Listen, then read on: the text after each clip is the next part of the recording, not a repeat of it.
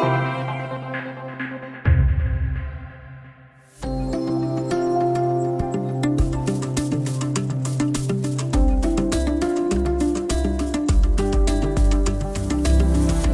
Sydafrika är rikt på naturtillgångar, guld och diamanter. En gång hjälpte inkomsterna från gruvnäringen apartheidregimen att underhålla sitt rasistiska system. På senare år har industrin inte alls varit lika lönsam, men coronakrisen har drivit upp guldpriset.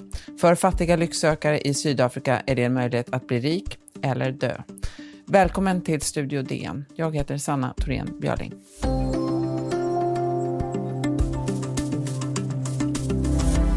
Are you on your way up? How, how long have you been down? It's about a week now. So this is the first time you see the sun in one week.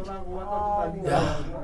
Ja, illegala guldletare kan stanna under jord i upp till en vecka under mycket risk, riskfyllda förhållanden. Här var en man som intervjuats av DNs korrespondent Erik Esbjörnsson.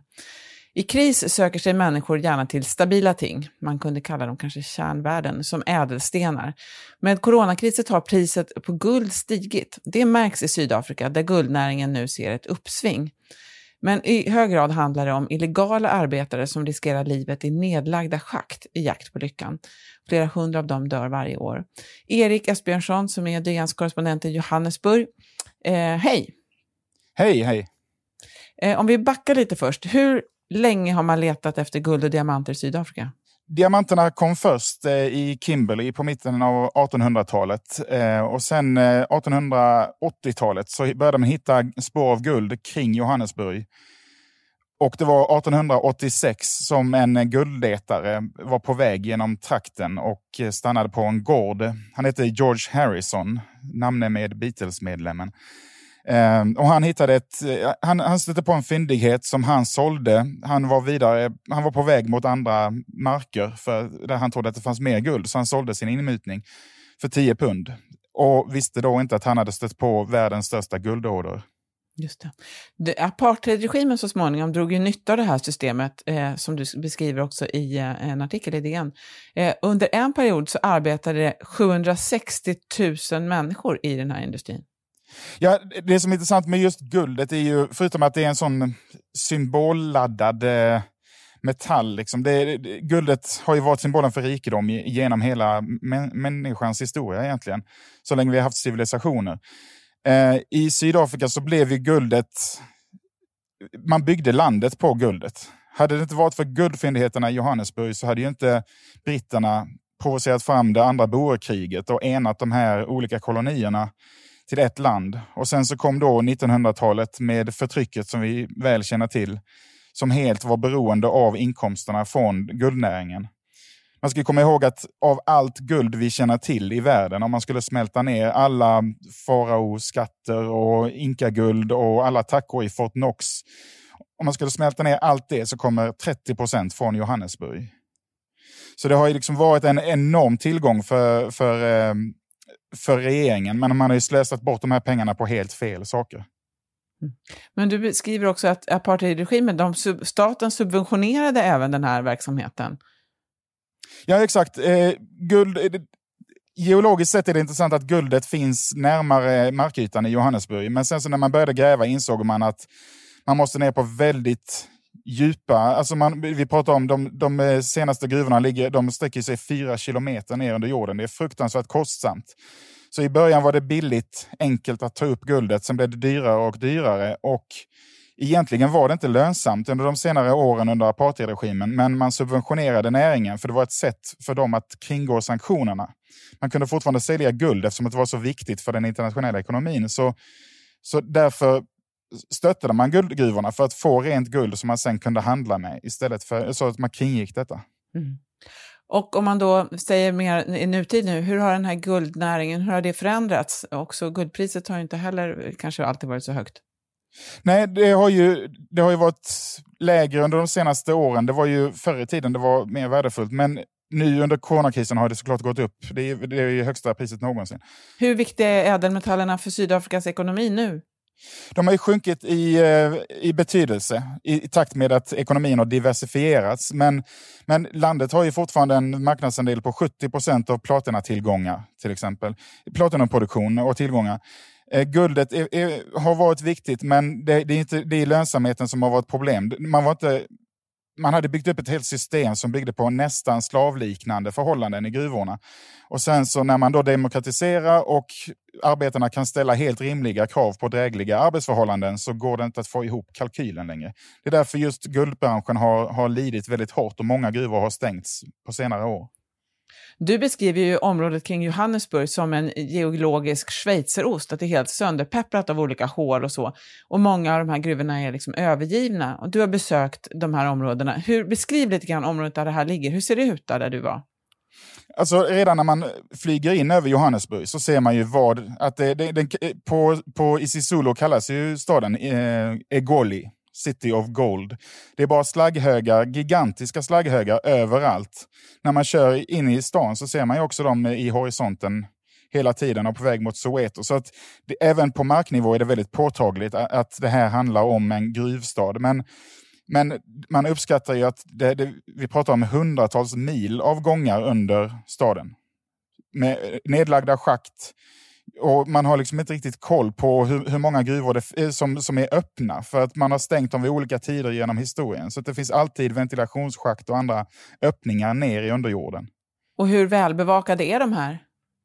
De, de, är, de är väl välbevakade av poliserna fram, främst för att det är en illegal verksamhet som pågår nere i jorden och polisen är intresserade av att få mutor från de här arbetarna. Så polisen ser till att ha viss koll på var det pågår verksamhet.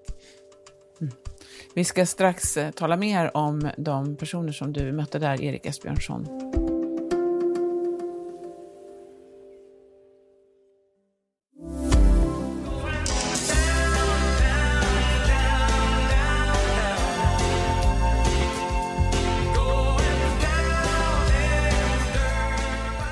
Erik Esbjörnsson, DNs korrespondent i Johannesburg. Det här var Elton John med en låt som heter Durban Deep som eh, beskriver de här jättegruvorna i eh, Rådeport utanför Johannesburg. Eh, idag då så tar man upp en bråkdel av vad man gjorde tidigare och mycket av det här, eller en, i alla fall en väsentlig andel, 7 av 135 ton guld tas upp på illegalt sätt. Hur går det här till?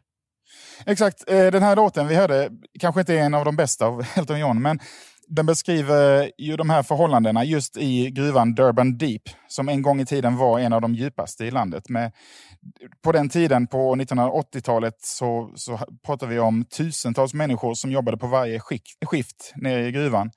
Nu, nu pratar vi om hundratals människor som fortfarande rör sig nere i djupet gruvbolagen har ju, har ju liksom en dröm om att kanske blir det lönsamt i framtiden igen att, att öppna de här gruvorna. Så de är ju måna om att de ska vara stängda och att man inte ska plocka upp för mycket guld.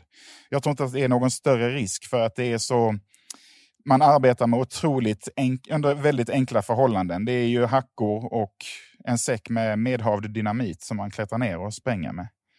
Vilka är det som arbetar där då? De kallas för Zamazama. Som, det, man skulle kunna översätta det till eh, lycksökare. Eh, alltså att man, man, människor som är redo att ta en risk för den där utdelningen. Man drömmer ju om att liksom hitta den där klimpen. Väldigt ofta så gör man inte det. Då, och då ska man komma ihåg att det här är alltså industriella gruvor av megaformat som de här klättrar ner i med bara en pannlampa. Det tar en till två dagar att bara klättra ner till 500 meters djup när vattnet börjar komma. För att gruvorna har ju vattenfyllts genom åren som de varit stängda. Sen så tillbringar man då en vecka, ibland två veckor till och med, nere i underjorden och, sen, och hackar loss stenar i områdena där man tror att orden gick. Och man får, de får gissa själva lite, för de har ju inte några gruvgeologer med sig. Och sen ska de då släpa upp den här stenkrossen. Och vi pratar ju om säckar på 30 kilo som de då ska klättra upp 500 meter upp till, dags, till markytan och dagsljuset. Det, den resan tar ju sen två, tre dagar på väg tillbaka. Så det, det är helt ofattbart egentligen hur de... Eh, bara ansträngningen och sen så lägger man på riskerna på detta. Nej, nej, men är de, eh, alltså sen så när de väl kommer upp så finns det ju stor risk då att de blir rånade det första som händer då, om de kommer upp och helt utmattade. Exakt. N när jag träffade de här killarna, jag, jag vågar ju inte gå ner längre än till första första eh, rummet ner i det här schaktet. Det var väl 20 meter ner eller så. Eh, och det, det som då händer när de kommer upp dit så, så vet de inte riktigt vad som väntar utanför. De betalar några kompisar lite pengar eller en, en tallrik full med sprängsten som, eh, eh i ersättning mot att de håller utkik. För det finns ju kriminella gäng som, som rånar dem och även poliser som kräver mutor för att de ska få fortsätta sin verksamhet. Så det, ju, det känns ju lite som, eh, man tänker på Pärlan Steinbeck, liksom. det här att man har, man har, om man, även om man har hittat den här stor, storvinsten så är det inte alls säkert att man faktiskt får bärga den. Men om de lyckas ta sig upp där, vem, vem säljer de till? Hur ser marknaden för de här eh, illegala, illegalt utvunna eh, metallen eller guldet ut?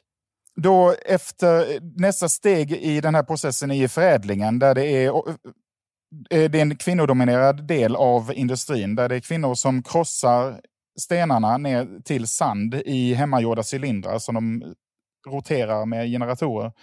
Och sen så blandar de sanden med vatten och kvicksilver. Och det är, det är lite chockerande att se att de, de hanterar kvicksilver utan någon form av skyddsutrustning. Men kvicksilvret binder guldet och sen så har ju kvicksilver en lägre kokpunkt. Så med skärbrännare så kan man då förånga kvicksilvret och få ut rent guld. Enormt hälsovådligt. Ja.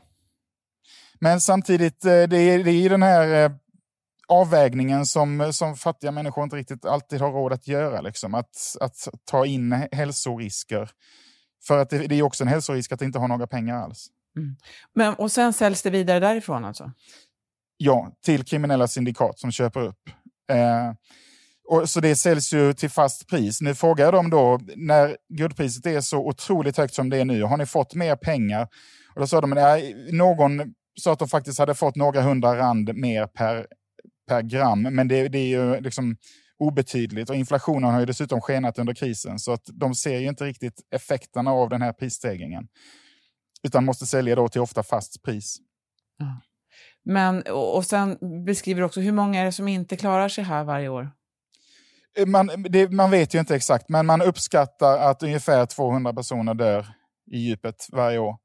Det, det vet man inte. De, de, när någon dör så försöker ju vännerna ta upp liket och sen svepa in det och, och lämna det på någon publik plats så att, det snabbt, så att polisen snabbt ska se att det ligger en död person där så att någon annan får ta hand om dem.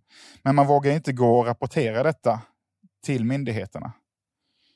Men kan man som eh, svensk eller person i Sverige som vill ut och köpa smycken, kan man vara säker på att det eh, guldet inte kommer från eh, den här typen av ställen? Det, det, är väldigt svårt. Eh, guld räknas ju som en så kallad blodsmetall. Vi pratar ju om konflikt, blood diamonds och konfliktmineraler. Guld är en del av det, men jag skulle jag skulle nog säga att risken är större att man, man får guld som har grävts ut av till exempel barnarbetare i Kongo eller liknande. Man kan ju också fundera på allt guld man har i släkten har ju faktiskt kommit från apartheidsystemet en gång i tiden. Så hur man än vrider och vänder på det så är det inte en särskilt etisk industri. Hur tror du att det här kommer att fortsätta? Finns det, finns det något arbete som görs för att det här ska liksom förhindras? Eller, eh, ja? Jag, jag, pratade med en eh, organisation, Benchmark Foundation, som jobbar med CSR-projekt. och De menar att det är, det är dags för Sydafrika att inse att den storskaliga gruvdriften, eh, guld, eh, vad ska man säga, guld, den gyllene eran är, är över. Guldorden är tömd på det sättet. Men kan man förbättra förhållandena för de här arbetarna och utbilda dem i säkerhet, ge dem ordentliga hjälmar, och kanske ge, låta dem gå en kurs i grundläggande geologi så kanske man kan ändå liksom, man får acceptera att de kommer finnas kvar. Låt oss då göra det bästa av situationen. Det är, det, det är dit man vill ha diskussionen idag. Tusen tack Erik Esbjörnsson, DNs korrespondent i Johannesburg. Studio DN görs av producent Sabina Marmelakai, exekutiv producent Augustin Erba, ljudtekniker Patrik Miesenberger och teknik Oliver Bergman, Bauer Media. Jag heter Sanna Thorén Björling.